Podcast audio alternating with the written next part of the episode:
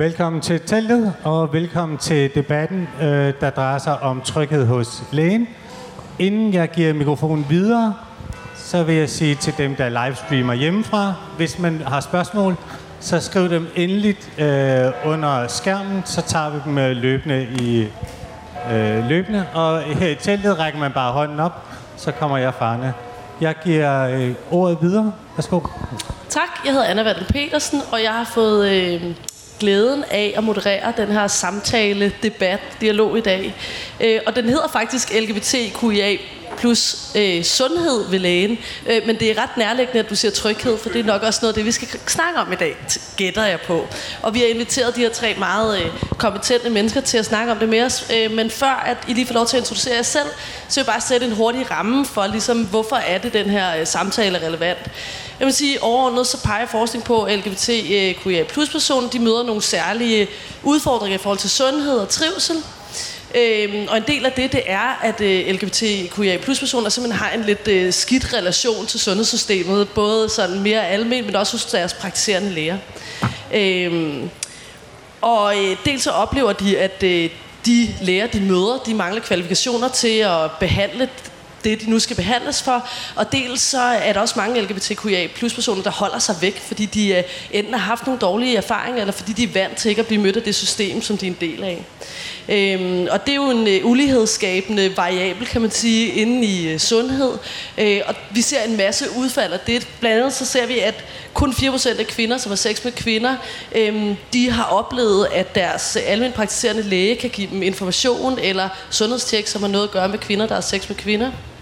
Øhm, 47 procent er transmænd og øh, 13,3 procent er non-binære øh, personer, der er født med en livmor, de er blevet screenet for livmoderhalskræft, og 58 procent af alle øh, transpersoner, de føler sig ikke modkommet i det, i det danske sundhedsvæsen. Det må sige, at det er nogle væsentlige ulighedsskabende faktorer for LGBTQIA plus personer. Det er vel i virkeligheden det, som vi skal snakke om i dag. Altså dels afdække, hvad problemet, men forhåbentlig også hvad vi kan gøre ved det, og hvordan jeres øh, respektive positioner måske også kan informere hinanden.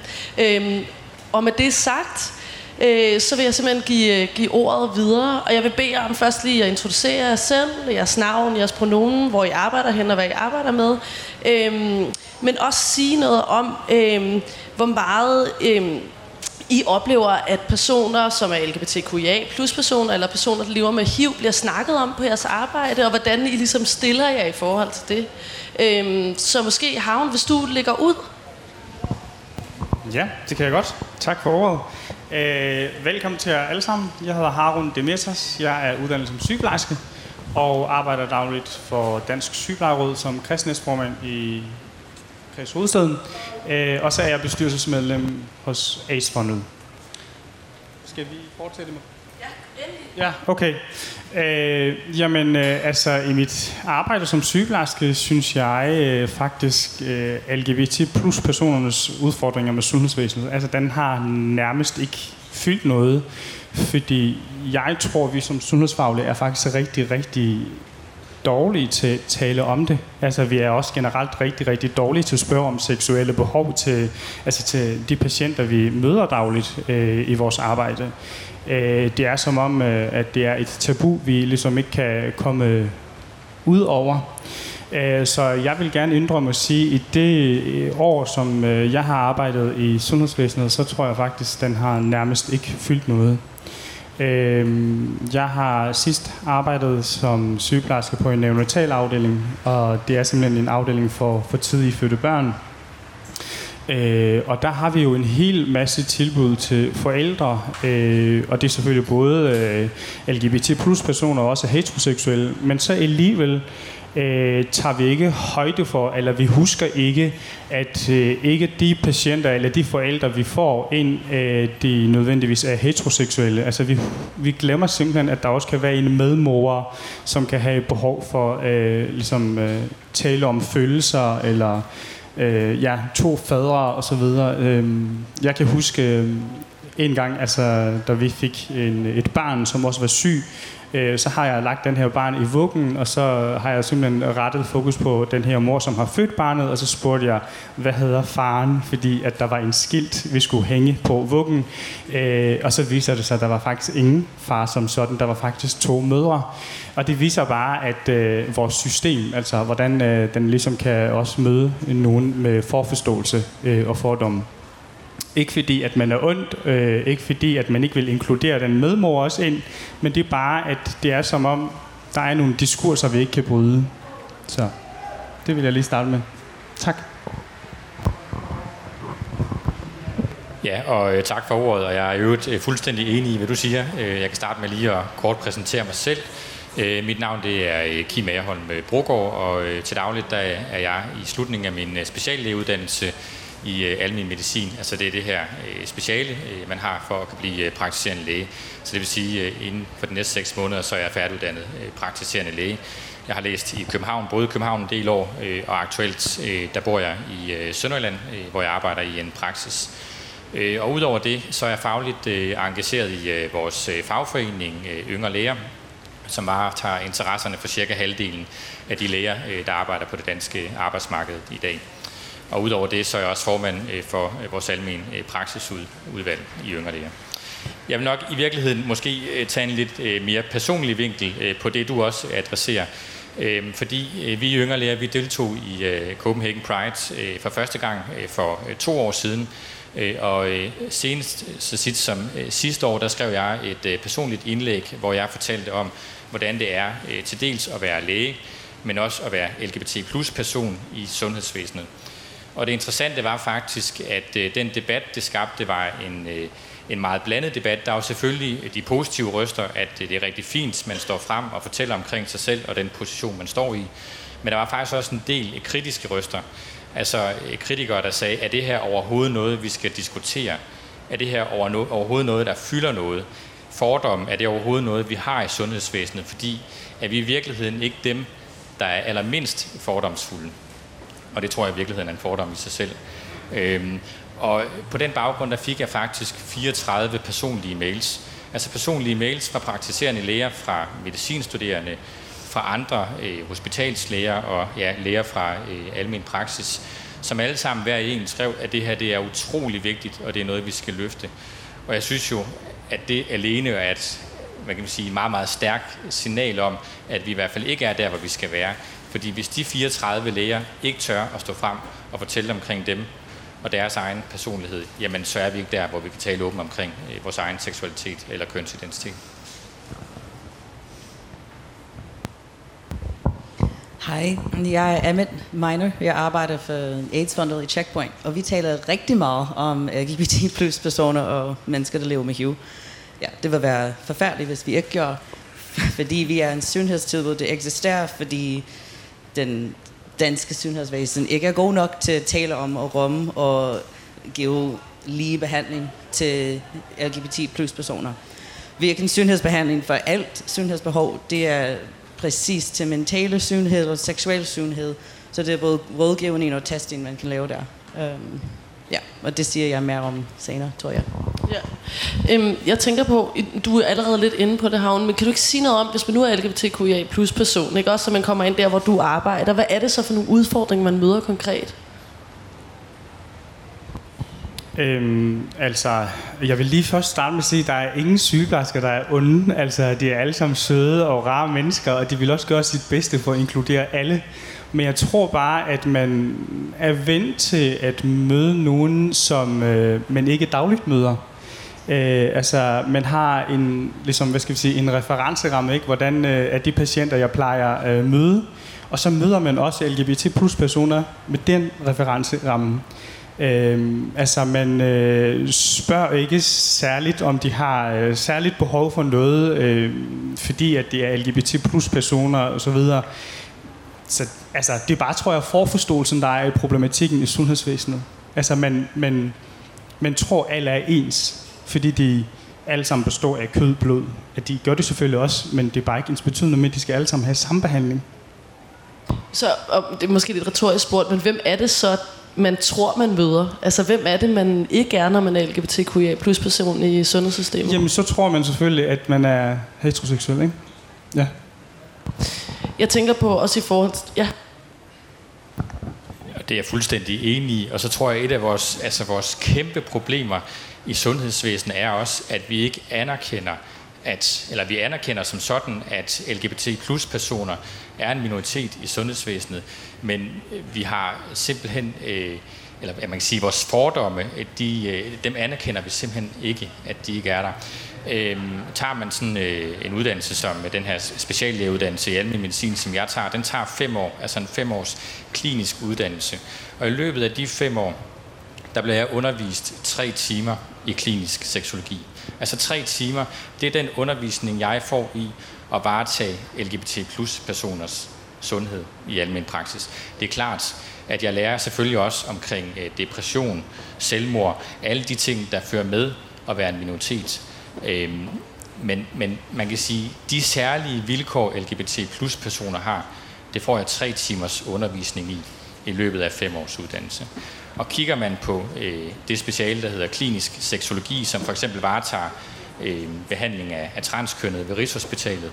Det er ikke et selvstændigt speciale i Danmark. Tager man til Frankrig for eksempel, jamen så findes klinisk seksologi faktisk som et helt selvstændigt speciale, og det anerkender vi slet ikke i Danmark. Klinisk seksologi et speciale, der typisk ligger under en psykiatrisk afdeling, eller så ligger det under en gynækologisk afdeling, hvor man har en ansat til at varetage det her.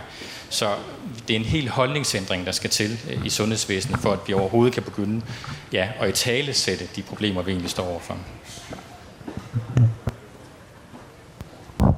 Øhm, jeg, jeg, jeg tror, du sagde, at sundheds, ja, sygeplejersker, det er søde og rare mennesker, og jeg langt hen ad vejen, jeg er så enig, at jeg elsker sundhedsfaglige personer. Jeg er ikke en af dem. Jeg, jeg er mest en social mennesker, som fortæller, eller snakker med sundhedsfaglige personer om, hvordan de kan imødekomme andre mennesker. Øhm, og jeg tror, det kan være svært i Danmark nu engang, hvor vi har en idé, at Danmark gør det godt, og vi, vi er fordomsfri, og det er så meget forbundet til den identitet som en god person, som gør det godt og er på den rigtige side. Øh, og folk kan hurtigt bange for at være, og, og ikke lytte, fordi det er bange, at de har gjort noget forkert. Øh, ja, og det, det lykkes bare ikke noget. Øh, lidt umulighed og humility, hvis man kan sige. Så så kan man komme længere. Vi, og vi nåede i virkeligheden også at snakke om det lige før, det her sådan erkendelsesproblem, at man kan jo ikke gøre noget ved et problem, for eksempel at man ikke er dygtig til at møde LGBTQIA plus personer i sundhedsvæsenet, hvis man ikke også erkender, det er der. Hvor, hvor skal den erkendelse komme fra? Altså, hvor er det i ens uddannelsesforløb? Er det ude på arbejdspladserne? Hvor synes I, hvor synes I ligesom, den skal komme fra? Jamen altså, jeg tænker først og fremmest, så handler det jo om, at vi som sundhedsfaglige personer først skal erkende, at der faktisk er et problem, at der er en udfordring. Og det er jo det, som vi i hvert fald øh, er begyndt at tage de spædestik til her inden for de sidste par år. Jeg er fuldstændig enig i, hvad du siger, at i Danmark, jamen, der har vi det jo egentlig ret godt i sundhedsvæsenet. Og jeg tror lidt, det er det, der bider os i halen, at vi tænker, jamen ved du hvad, der er så mange andre lande, hvor det halter meget mere efter, så er det her virkelig et problem. Og det er det. Øh, og der tror jeg, at vi er nødt til i første omgang at skal anerkende, at det her det er faktisk en udfordring øh, for sundhedsvæsenet i første omgang. Jeg vil gerne komme med et andet eksempel, øh, som, som måske lidt øh, problematiserer det, fordi vi som læger, jeg, altså jeg, jeg tænker, det er det samme som med sygeplejersker, jeg tror ikke, der er nogen onde læger derude, øh, og vi som læger, vi tænker, jamen det her med at snakke om, øh, om sex, øh, kønsidentitet, seksuelle minoriteter, jamen det er ikke noget problem, det kan vi da sagtens snakke om. Selvfølgelig kan vi det. Men der er lavet studier, der viser, at noget så simpelt som at snakke omkring øh, rejsningsbesvær ved sukkersyge patienter, det er noget, vi skal gøre. Det er vi forpligtet til at snakke om ved hver eneste års kontrol ved en sukkersyge patient. Men alligevel, så 6 ud af 10 af de patienter får vi aldrig nogensinde snakket om rejsningsbesvær med. Og det er jo nok noget af det allermest simple seksuelle, man kan snakke om i sundhedsvæsenet.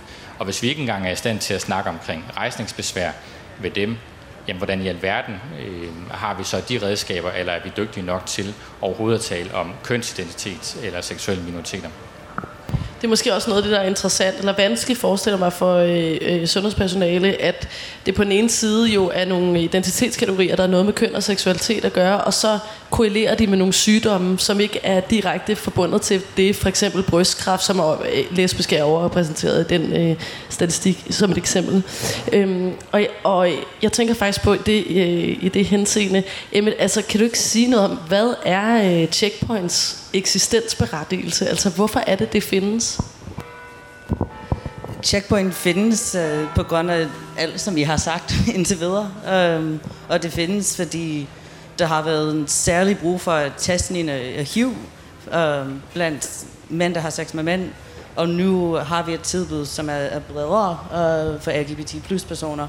Um, fordi vi har lært os hen ad vejen i, i AIDS-fundet om, hvordan taler man om sex, og hvordan uskammet taler om sex, og hvordan tester man på en måde, hvor personen er i centrum, og skal ikke, skal ikke forklare, hvorfor de er der, um, hvis de skal være der. Um, at det er i bund og grund det, og så har vi en rådgivningsafdeling, øh, um, som er både for forebyggende rådgivning til folk, som, som har en adfærd, der gør, at de måske har en højere risiko for at få HIV, og der er også rådgivning for personer, der har HIV, og rådgivning for personer, der, der dyrker chemsex. Så det, det er mange forskellige ting, vi gør, som der ikke er plads til i det, det i sundhedsvæsen.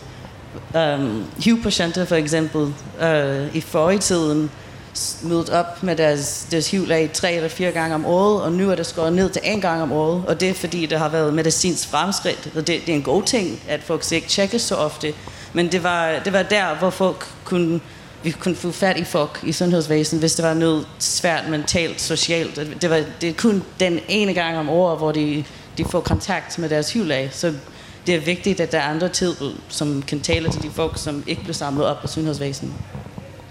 Altså, øh, må jeg lige supplere?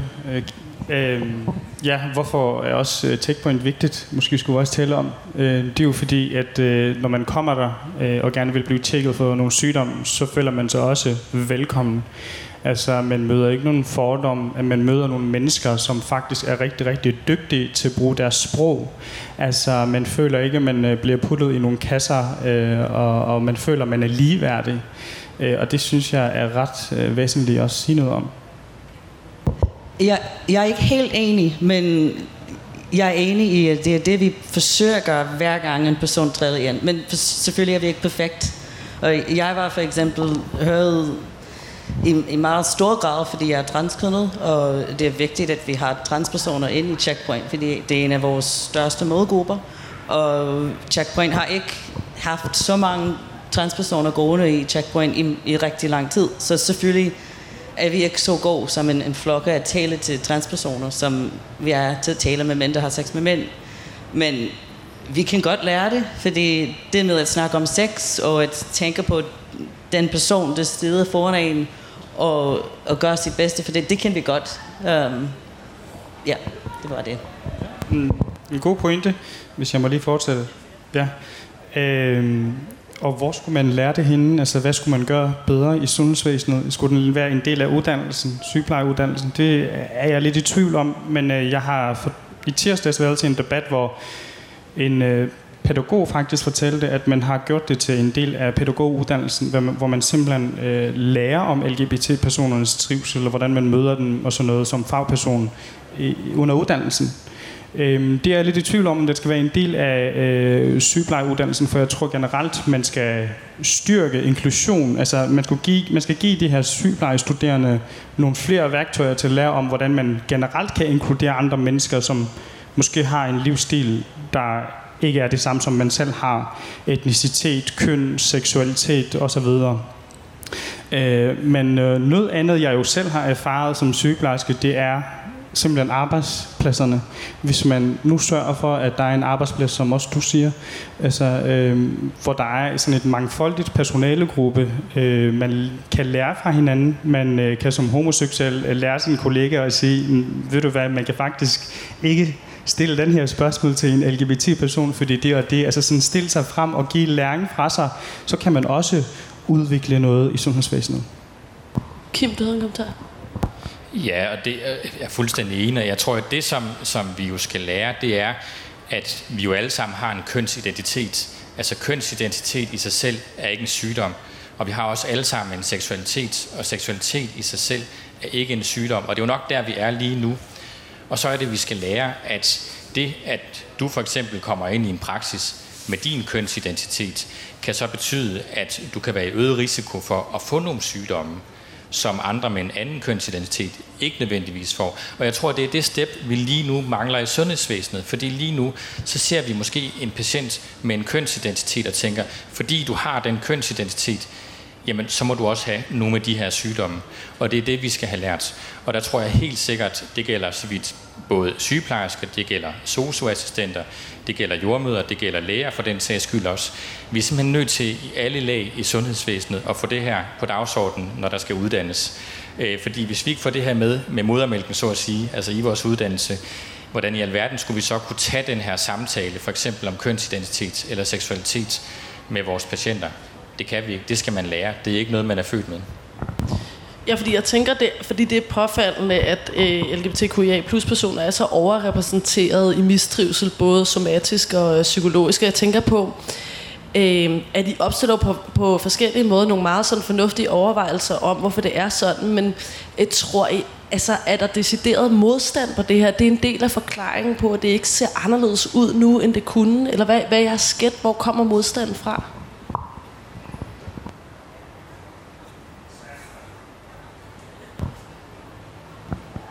Jamen altså, nu kan jeg jo tale fra et lægesynspunkt, og øhm, altså, øhm, nu tager vi sådan noget som ensomhed for eksempel. Det er også noget, der er stærkt overrepræsenteret, overrepræsenteret ved øh, LGBT plus personer. Øh, når jeg arbejder på sygehuset for eksempel, jamen så går jeg vagt, øh, i modsætning til en sygeplejerske, som måske har en meget fast og sammentømret øh, øh, kollega-gruppe, hvor man er på den samme afdeling, jamen så kan jeg i løbet af en vagt godt øh, have min gang igennem 10-12 forskellige afdelinger. 10-12 forskellige kafferum. Det vil sige, at jeg har ikke den her nødvendigvis nære kontakt med mine kollegaer på samme måde, som for eksempel en sygeplejerske har. Og derfor så kan man i hvert fald som læge meget hurtigt blive udsat for øh, at føle sig ensom. Og man kan også meget hurtigt godt forstå, hvorfor det kan være rigtig svært øh, at tale om sin egen kønsidentitet, eller tale om sin egen øh, seksualitet. Vi ved øh, fra studier, øh, det vidste vi for nogle år tilbage, og det er fuldstændig samme i dag, at en ud af fire øh, LGBT plus personer, de tør ikke at være ærlige omkring øh, dem selv på deres arbejdsplads. Og det er altså et land som Danmark, hvor vi ser os selv som, som værende fri for fordomme. Det synes jeg er tankevækkende. Øhm, ja, enig. Øhm, Altså, jeg tror ikke, der som sådan er en modstand. Altså, jeg tror ikke, min arbejdsgiver ville være sur på mig, hvis jeg nu gik til min patient og snakkede om seksualitet. Jeg tror faktisk, de ville være glade for, at jeg gjorde det. For de står også i bøgerne, at man skal gøre det. Man skal snakke om seksualitet med patienterne. Men det gør man bare ikke. Altså, øh, og ikke kun, for, altså, kun med LGBT plus personer, men sådan generelt. Øh, jeg har faktisk læst en en artikel, hvor det handler om kraftsyge, øh, kraftpatienter. Altså når man får kemobehandling, så sker der altså noget ved ens seksuelle behov og seksualitet og sexoplevelser osv. Det er jo meget væsentligt at tale med de her patienter om, men det gør ingen. Men til gengæld de her patienter, når det kommer på den her afdeling, Altså så, når der ikke er personale til stede og sådan noget, så tager det alt den her skriftlige information, der ligger på bordet. Den skriftlige information er det, man aller, allermest øh, bruger simpelthen blandt de kraftpatienter. Så hvorfor er det, man ikke taler om det? Det er jo meget væsentligt, når man ser også kraftpatienter tager fat i de her informationer, og det viser bare, at de har behov for det. Men det gør man bare ikke. Og jeg tror ikke, at måske det er fordi, at man har travlt, eller at man ikke har tid. Jeg tror måske fordi, at ja, som sagt, at det bare er en... Er det pinligt måske at spørge ind til en seksualitet og sexliv? Øh, det er måske nogle fordomme. Hmm? I går så var jeg til en debat, hvor øh, Camilla Tyd, som er jordmor, snakkede om de udfordringer, der var i forhold til ulighed og køn og seksualitet i det fag. Og snakkede blandt andet om, nu kommer man bare tage tænke på det her med neonatal. Øh, de her små et velkommenskilte, man får i enten lyserød eller lyseblå, øh, som jo alligevel overskrider den der seksualitetstabu. Ikke? Det er en anden del af det, at, at der måske også er et mangel på sprog om det, ligesom du også lidt i talesætter. Ja. Og det er jo faktisk noget af det, man har sat fokus på nu, at vi, vi mangler simpelthen sproget i sundhedsvæsenet til at, at snakke omkring kønsidentitet og seksualitet.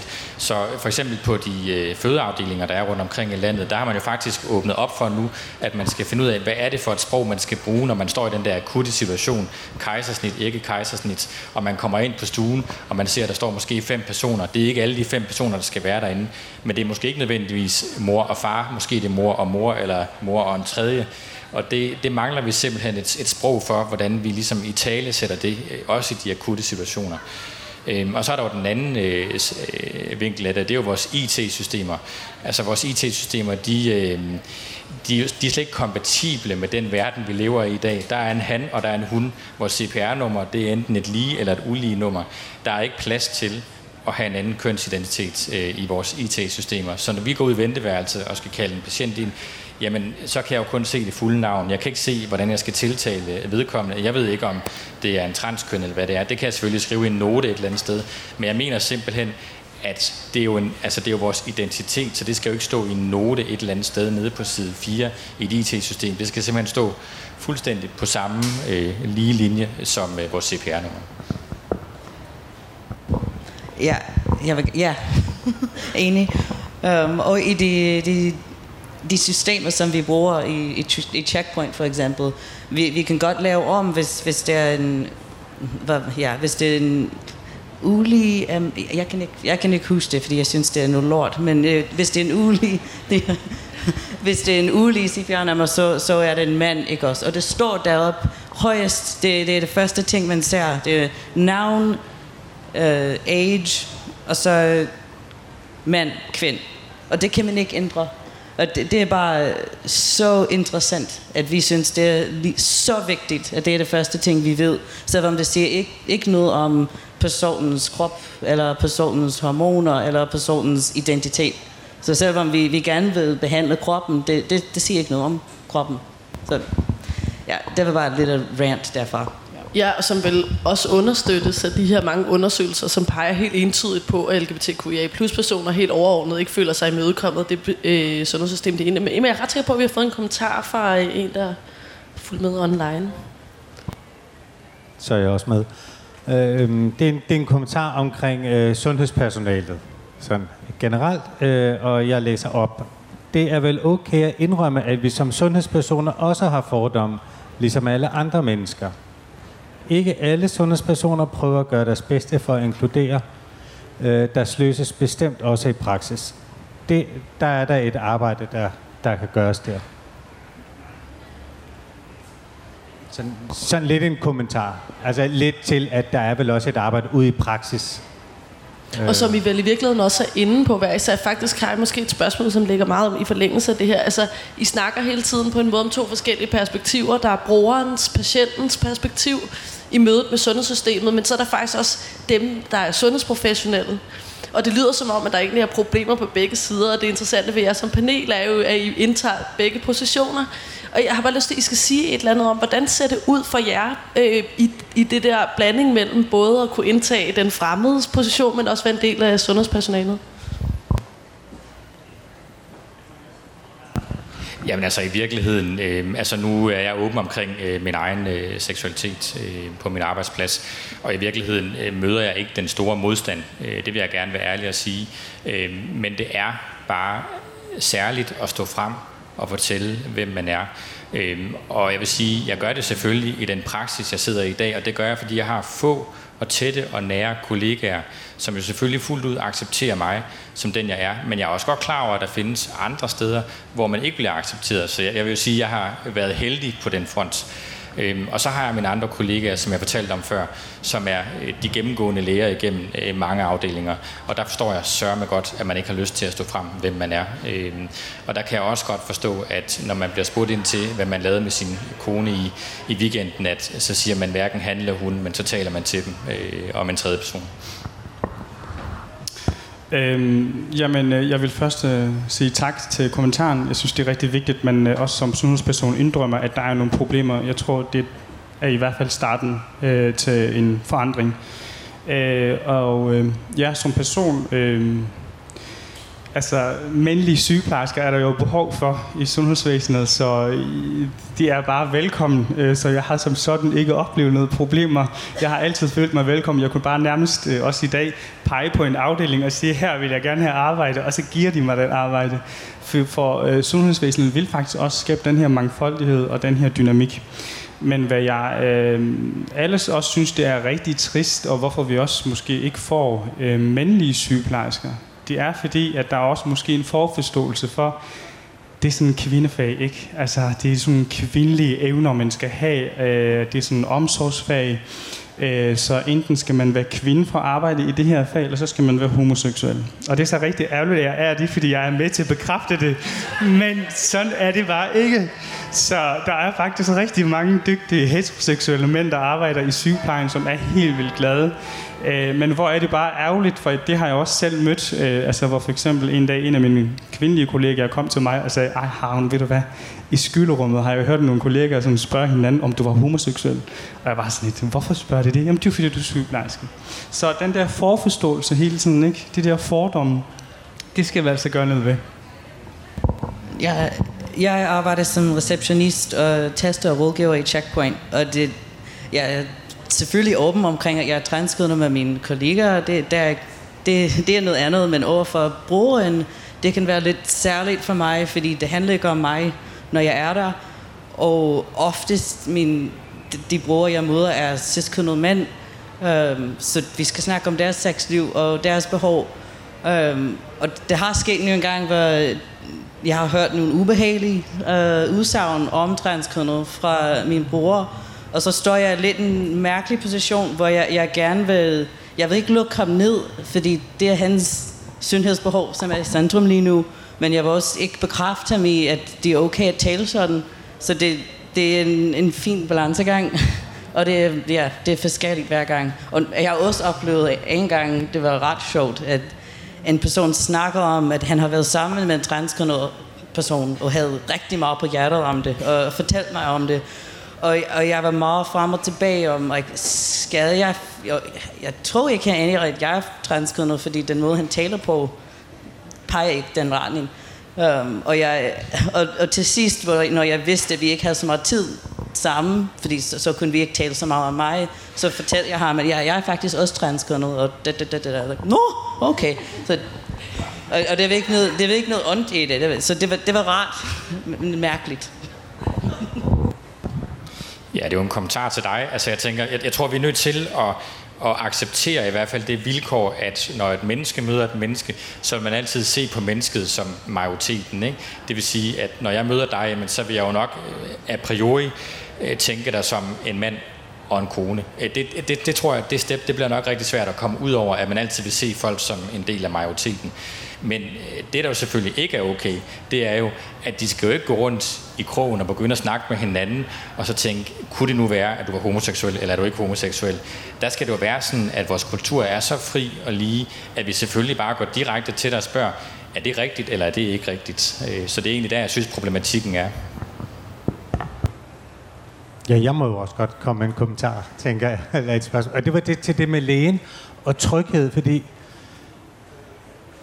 det kan jo godt være, altså en læge er en autoritet, typisk. Og så kommer man der, og det kan godt være, at man ser på os som, øh, hvad man er til. Men barrieren for at sige, hvornår er man homoseksuel? Fordi hvis ikke lægen spørger og så videre, det er jo heller ikke nødvendigt. Altså, hvornår skal man springe ud over for sin læge?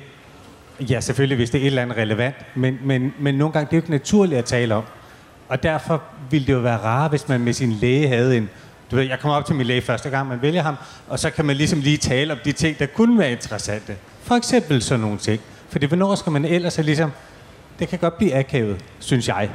Øh, jeg er så også lidt... Øh, jeg tænker mig ikke, at yngre måske har de samme problemer, men mm, hvordan kommer man ud over sådan nogle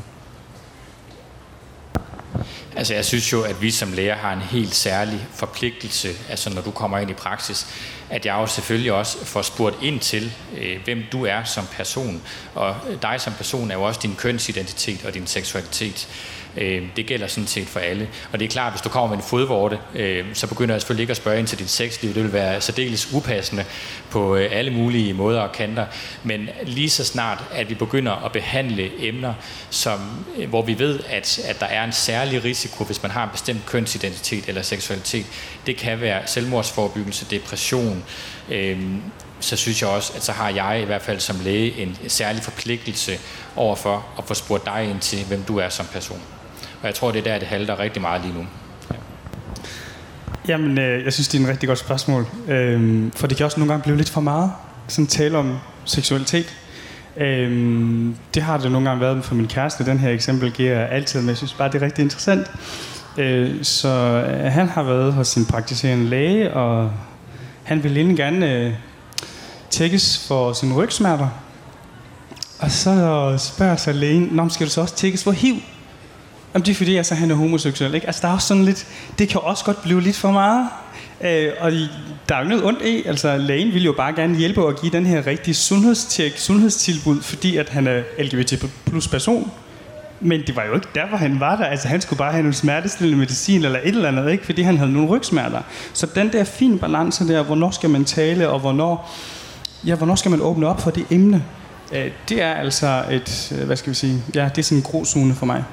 Det vanskelige gætter er også på, at øh, de her forskellige øh, mennesker eller identiteter, der er repræsenteret det her akronym LGBTQIA+, står over for nogle meget forskellige udfordringer, hvor øh, mange KSK'er, kvinder, der har sex med kvinder, fuldstændig bliver overset, måske kunne drømme om at blive talt lidt mere om deres sexliv med, så er der garanteret mange MSM'er, altså mænd, der er sex med mænd, som omvendt ikke hele tiden vil seksualiseres.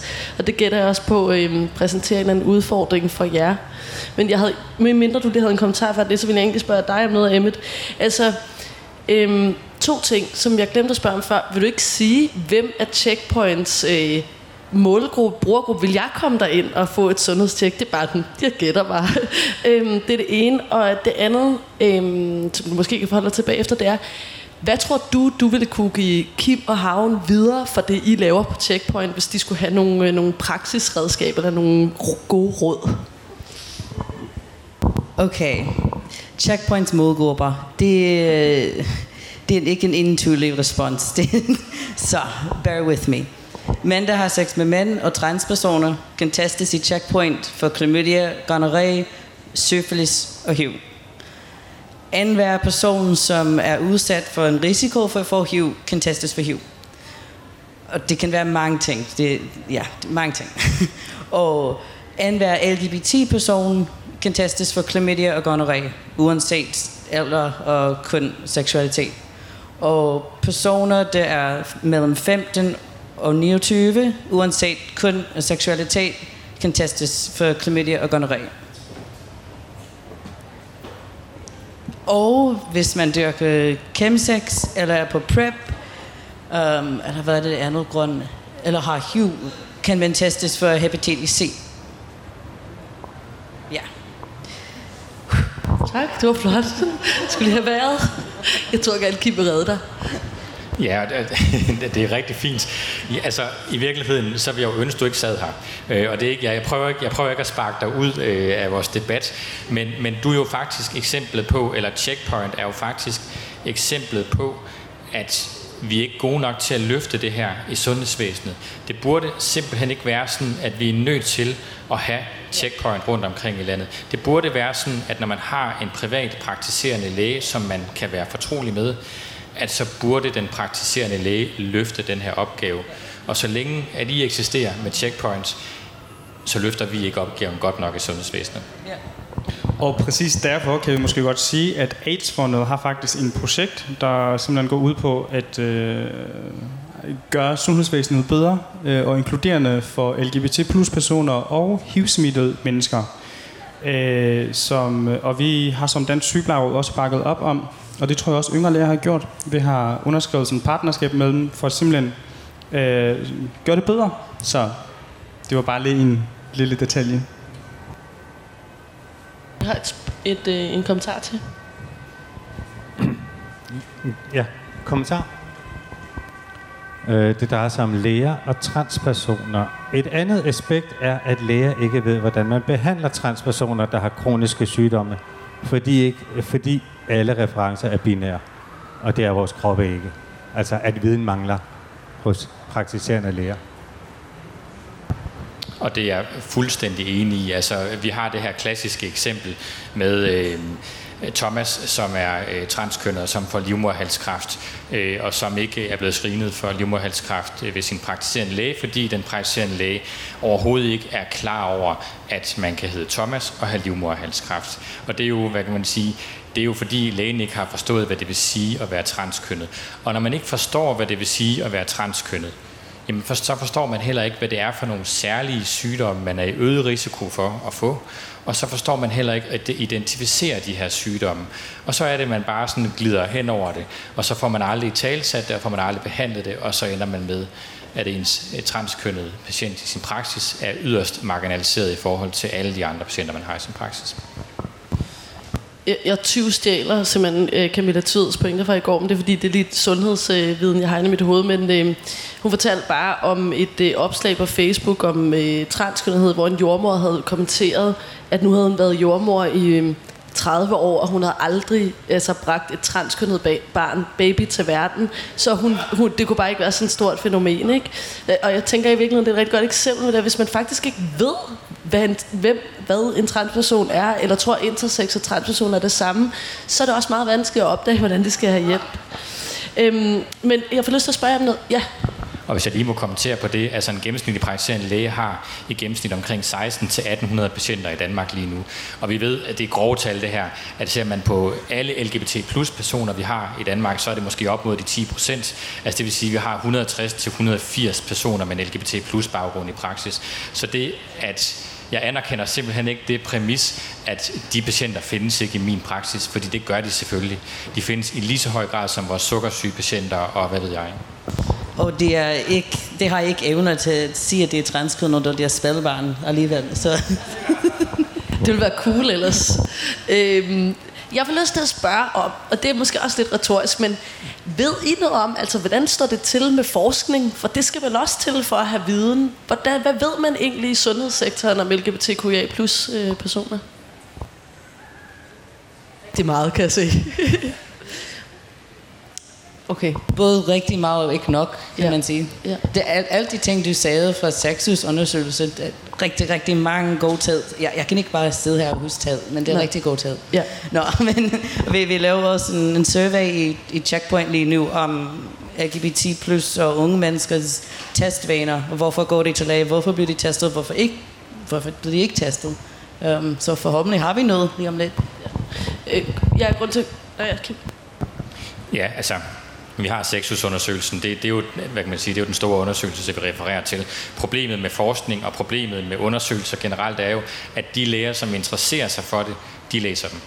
Så vi skal simpelthen have oversat den her forskning, så det bliver fuldstændig let spiseligt, og så skal det serveres på et sølvfad for de praktiserende læger og for lægerne i hospitalsverdenen. Fordi så længe vi ikke gør det, så læser de læger, som i virkeligheden har brug for at læse de her undersøgelser, og som i virkeligheden har brug for at blive klogere på det her, men som selv mener, at de ikke har nogen fordom, og som selv mener, at det kan de da sagtens finde ud af. Det er dem, der har behov for, at vi serverer de her facts til dem på et sølvfad, sådan så de kan blive klogere. Ja, øhm, altså jeg kan ikke sådan konkret referere til et eller andet undersøgelse i sundhedsvæsenet som sådan, men øh, alle de her undersøgelser, som peger på, at vi er rigtig dygtige til generelt også tale om seksualitet og se- seksuel undervisning, f.eks. på folkeskolerne og i gymnasier og så videre. Øh, det kan jeg jo godt referere til at sige, at det åbenbart ikke fungerer, siden vi ligesom altid øh, bunker ud med en hel masse hvis øh, øh, klamydia øh, smittet og det ene og det andet, og og man ikke faktisk sørger for, at de her mennesker også øh, får meget mere undervisning i det, øh, og også fagpersonerne, ikke? Altså om det skal være lærerne, om det skal være øh, sundhedsplejerskerne, eller om det skal være en anden faggruppe, der skal komme og undervise dem osv. Så. Ja, det er jo fantastisk, du siger det her med, altså vi kan, vi kan sagtens finde ud af at undervise vores folkeskoleelever i, altså i seksuel sundhed. Og så ligesom, man så ryger de ud af folkeskolen, og så, så kan vi ikke mere. Altså, så dør det fuldstændig der, og det synes jeg jo er pinligt. at vi ikke kan, kan løfte øh, længere end det. Øhm, det er sådan, at øh, praksis øh, er jo, altså det er en privat virksomhed, man er styret øh, af økonomi, så det vil sige, at det man får penge for, det er det, man laver. Øh, tager man sådan noget som præventionssamtaler med unge kvinder øh, og mænd for den sags skyld, jamen det er noget, man faktisk får en ydelse for at gennemføre. Så hvis vi virkelig mener, at vi skal gøre noget for øh, at få i tale sat kønsidentiteter øh, og vores seksualværinger, så skal man måske overveje øh, at sætte penge af fra, altså på, fra centralt hold, til simpelthen at få lavet nogle samtaler med vores unge mennesker omkring kønsidentitet og seksualværinger. Og jeg vil tilføje, at, at selvom jeg, jeg, jeg er glad for Sexus rapport, jeg er glad for, at det findes. Det var også lavet af folk, som har en bestemt idé om verden, og forskere, som ikke er LGBT plus personer, som tænkte, at seksualitet, okay, det, ja, jo, det, de ved meget om seksualitet, men LGBT-personers vedkår er en stor del af den, det projekt, og ja, det, det er bare ofte, at forskning lavet om LGBT-personer ikke er lavet af os, og så har man bare blinde vinkler, og det, sådan er det bare. Jeg, jeg spørger i virkeligheden, fordi at øh, noget af det, som øh, en, den KSK-undersøgelse, som AIDS-fondet Carnivas har lavet for nogle år siden, øhm, øh, jo peget på en masse udfordringer for LGBTQIA øh, plus personer, men noget af det, man også brugte den til, det var at gøre opmærksom på, at man faktisk ikke havde noget sundhedsfaglig forskning. Altså sige ikke nødvendigvis ikke det, der knytter sig til det sociale aspekt, men også konkret, øh, hvordan smitter to kvinder hinanden med seksuelt overførte sygdomme? Hvad gør øh, hormonbehandling ved en på længere sigt og sådan noget? Der er, nogle, man sige, der er et kæmpe forskningsfelt, der bare ikke er rørt sig meget ved. Det synes jeg er interessant. Nå, men nu har vi et kvarter tilbage, og jeg kunne godt tænke mig først at give jer mulighed for at stille spørgsmål, hvis der er nogen af jer, der har det. Øhm, og bagefter give jer mulighed for at, at lave nogle afrundende øh, kommentarer. Men er der nogen, der har nogle spørgsmål?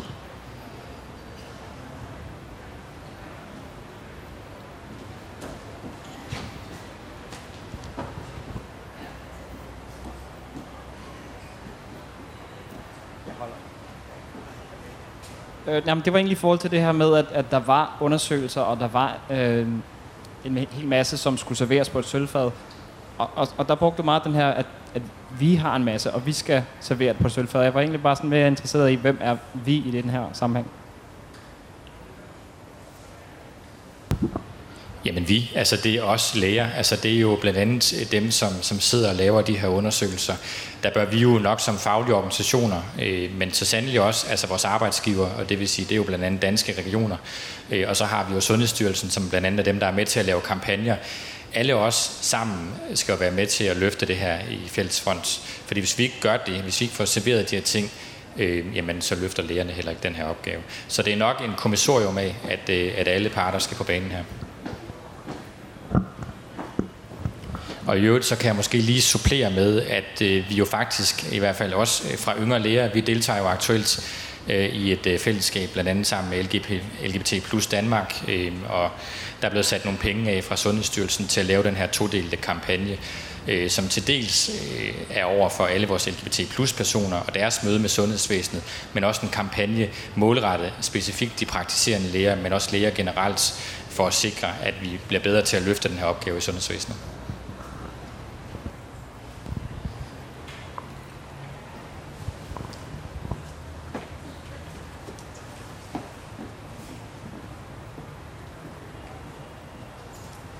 Hej, jeg ved ikke.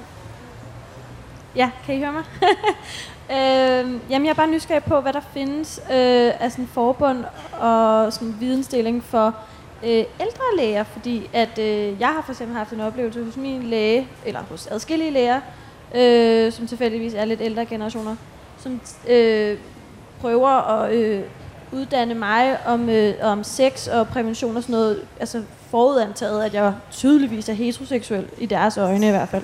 Øh, og det er måske også en situation, hvor sådan, jeg synes ikke rigtig, øh, min seksualitet nødvendigvis vedrører dem, især når jeg sådan, kan finde oplysninger selv. Øh, men jeg er bare nysgerrig på, om øh, der findes sådan en forbund for ældre læger, øh, og om der er, at det går ud fra, der er, og sådan, om I deler jeres viden, nu havde I yngre læger, jeres organisation, om I ligesom mødes og deler viden, og ligesom måske kunne formidle videre af jeres gode arbejde. Jamen altså, man skulle tro, du havde siddet med øh, til det her kampagnearbejde, fordi det er faktisk en af kerneproblematikkerne, som vi slås med lige nu. Fordi øh, du har helt ret, jeg kommer jo fra yngre læger, som varetager cirka halvdelen af de danske lægers øh, interesser. Og så har vi praktiserende lægers øh, organisation, og de er her ikke i dag. Øh, og dem kunne vi jo i virkeligheden godt tænke os havde været her. Og dem kunne vi så sandelig også godt tænke os vil være med i den her kampagne. Og det arbejder vi selvfølgelig også på. Fordi vi mener, det er helt... Øh, altså det er utrolig essentielt, øh, at vi også får øh, et, ja, både de praktiserende læger, men også de lidt ældre læger med, som nok ikke er helt fagligt opdateret på det her. Jeg tilføjer lige en ting, fordi nu har jeg øvet mig så meget på det her akronym. Men øh, Dansk Selskab for Almen Medicin øh, har haft en kampagne, som, hedder, som handler om, at en god relation mellem læge og patient, det også skaber en, en øh, federe forudsætninger for god sundhed hos patienten. Og derfor ligger det vel også inde i det, at det, den farlige relation er ikke bare farlig, fordi det er en træls oplevelse, det er også farligt, fordi det faktisk har nogle reelle sundhedsmæssige øh, øh, konsekvenser. Vi havde et spørgsmål til. Øh, kunne I dykke lidt mere ned i, hvad I gør på jeres arbejdspladser for at skabe inklusion for LGBT plus personer? Jeg talte lidt om, hvad I gør i jeres organisationer, men øh, det praksisborgerne, hvad gør I der? Jeg kan godt starte. Altså nu sidder jeg jo i en almen praksis, øh, og jeg synes, det er utrolig vigtigt, øh, at øh, når man kommer som LGBT øh, plus person i min praksis, øh, at der ikke skal herske nogen tvivl om, at de er velkomne. Så det handler øh, i høj grad om at gøre dem opmærksom på, at det her det er en praksis, hvor de gerne må være. Det er noget så simpelt som at have materiale liggende i praksisen, så når man sætter sig ned og venter på at skal ind til lægen, jamen så kan man faktisk sidde og læse omkring, hvad, altså med de særlige udfordringer, man har som LGBT plus person. Øhm, og når det kommer til mig selv, jamen så er jeg jo så heldig, at jeg sidder i en lille praksis, hvor vi er ganske få kollegaer, øh, tætte kollegaer, øh, og der har jeg det bare godt, så der behøver jeg sådan set ikke at, at gøre noget yderligere. Og der tænker jeg, at specielt øh, sygeplejersker og læger på, øh, på hospitalerne, de har det nok lidt sværere, hvad det angår. Ja. Jamen, i Dansk Sygeplejeråd, hvor jeg er for eksempel, der øh, har vi jo været med i priden i mange, mange år. Øh, og vi har lavet Pride-arrangementer om dagen, hvor vi har givet brunch øh, og inviteret sygeplejerskerne ind. Og så har vi altid haft nogle temaer, altså seksualitet og LGBT, eller regnbuefamilier og sådan forskellige øh, temadrøftelser og haft en oplæg og så videre, bare ligesom for at inspirere dem. Øh, og så, som sagt, så har vi nu tegnet et øh, partnerskabsaftale med AIDS-fondet, som jo netop øh, går ud på, også med yngre læger, øh, forbedrer simpelthen inklusion i sundhedsvæsenet. Og personligt, jeg gør mit bedste for at tale med mine patienter og borgere om seksualitet, øh, og så står jeg som person også øh, åbent, altså, ikke? Altså, øh, prøver ligesom sørge for, at, øh, at gøre det her til en del af vores arbejde, ikke sådan afspejle øh, den her mangfoldighed ved ligesom være mig selv og tale åbent omkring seksualitet og så videre. Så. Det er lidt anderledes for mig, fordi jeg arbejder jo i en LGBT plus organisation, men jeg er det eneste transperson, der er lige nu. Der har været mange før mig. Og, øhm, ikke, ikke mange, jeg ved ikke hvor mange, men jeg ved nogen. Anyway. Uh, da jeg startede der, jeg, jeg havde nogle interviews med nogle af mine kollegaer fra forskellige afdelinger, og der var jeg ikke arbejdet, for at høre dem en time, halvanden time om, hvad synes de er svært ved at forstå transkønnede personer, og hvordan, hvorfor får de beregningsangst om at tale om emnet, og hvad, hvad, hvad har de lyst til at vide, hvad er vigtigt for deres arbejde at vide om, om transkønnede personer. Og så, så lavede, jeg, lavede jeg nogle præsentationer løbende øh, over de, de der måneder um, om det, og en til hele personalegruppen. Um, ja, fordi især med transpersoner, ofte der, der kommer en, jeg gider ikke gøre det forkert, reaktion fra mange, især mange, som ser sig selv som det gode. Og det, min kollega er, er sydfolk, som arbejder inden for AIDS, for når de går ind for de gode ting, og de gerne vil, ligesom sundhedsfaglige personer, de gerne vil vide de gode. Um, og det synes jeg er en god ting. Um, det, det, det er faktisk noget, jeg tænkte på før, om at man skal være ekspert, når man er en læge eller en, en sygeplejerske. At det, det synes jeg er en stor grund til, at det er svært at sige, at ja, jeg ved faktisk ikke, hvordan jeg kan være din læge lige nu. Og, og hvis, hvis du ved ikke, hvordan at være en LGBT-persons læge, så har du fejlet allerede, men du fejler mere, hvis du ikke anerkender det. Ja. vi har fået et par spørgsmål, både i salen, men også der. Jeg tænker, at det er de sidste spørgsmål, vi tager, og så vil jeg gerne lige have nogle afrundende kommentarer for jer til sidst. Ja, hej. Øhm, ja, jeg har øhm, lært, at 32 procent af dem, der kommer i almen praksis, de er over 65 år. Det, jeg hører her, det handler meget om folk, som er unge. Og jeg vil meget gerne opfordre til, at I er opmærksomme på, at det handler ikke kun om seksuelt overførte sygdomme, men det handler i høj grad også om langtids, øh, hvad skal man sige, seksuel orientering eller langtidsliv med en identitet. Og øh, ja, det, det er jo ikke umiddelbart særlig synligt, fordi man kommer i praksis med et dårligt ben. Eller hvad det nu er. Men husk det nu på pokker. Tusind tak for din kommentar. Jeg er fuldstændig øh, enig. Øh, vi skal huske på, at vi alle har en seksualitet, og det har man altså også som 90-årig for den sags skyld.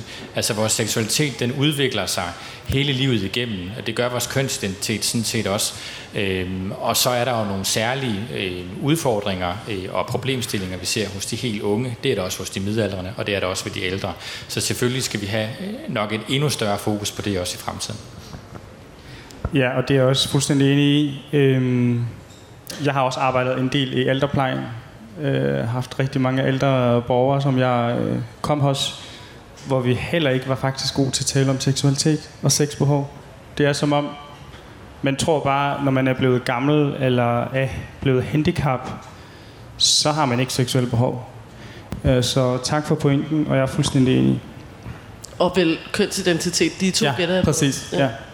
Vi har lige de sidste spørgsmål. Jamen, jeg, det er mest bare en kommentar, jeg vil sige. Øh, må, det må være der ved det. Der står, øh, LGBT Danmark lancerer også snart kampagne specifikt om LGBT-folks møde med de almene praktiserende læger. Fedt. Den, den glæder vi os til. Opturs slutning. Hvad hedder det? Øhm, kan ikke lige hurtigt sige hver især, hvad er det for nogle krav, I synes, man skal stille til sundhedssystemet? Hvis I nu måtte bare dream, dream free. Jeg kan godt starte. Øh, altså mit drømmescenarie er jo, at vi slet ikke skal stå her og snakke omkring det her. Altså mit drømmescenarie er jo, at vi ikke skal snakke om minoriteter. Og at det at have en kønsidentitet, eller en seksualitet for den sags skyld, det er en fuldstændig naturlig ting. Det er ikke noget, vi behøver at skal snakke om. Det skal ikke være sådan, at for eksempel transkønnede, de bonger ud i øget selvmordsrate, og at øh, mange af vores homoseksuelle for eksempel i højere grad er depressive end andre. Fordi det tyder på, at så har vi ikke løftet de her opgaver godt nok. Så mit drømmescenarie er simpelthen, at alle de her øh, hvad kan man sige, sygdomme, som desværre knyttes op på vores kønsidentitet og på vores seksualitet, at det er noget, vi får udslettet med fremtiden. Øh, jeg vil sige, øh, det tror jeg faktisk, jeg vil gentage at sige, der er helt vildt mange fantastiske sundhedspersoner derude, som prøver at gøre deres bedste. Det skal vi hele tiden huske. Øh, men selvfølgelig er der jo plads til forbedringer. Øh, jeg vil øh, ønske, at øh, seksuel sundhed og trivsel og mental trivsel, undervisningen ved folkeskolerne og på ungdomsuddannelserne osv., det bliver forbedret, så at man allerede der øh, begynder at snakke om øh, seksualitet og kønsidentitet. Og så håber jeg, at øh, generelt inklusion af alle mennesker øh, bliver en stor del af vores uddannelser. Øh, og så håber jeg, at vi også bliver bedre til at bruge hinanden, altså andre organisationer, patientforeninger, som har meget mere viden og forsket inden for det her, altså bruge dem også fornuftigt. Og så takker jeg til jer alle sammen, fordi I havde lyst til at høre med. Så god Pride. Og jeg synes, vi skal afskaffe CPR-systemet, har jeg skrevet. Check. Og informeret samtykke, så bare at patienten skal være den, det, det bestemmer om sit eget krop i det hele taget. Handler det om hormoner, eller om, hvis man gerne vil have en operation, det skal være patienten, som ved mest om deres krop. Og, og jeg synes, at sundhedsfaglige personer skal, skal få undervisning i, hvordan man taler om sex og om krop og om identitet. Fordi det er så bundet til vores sundhed på mange planer. Ja. Fedt.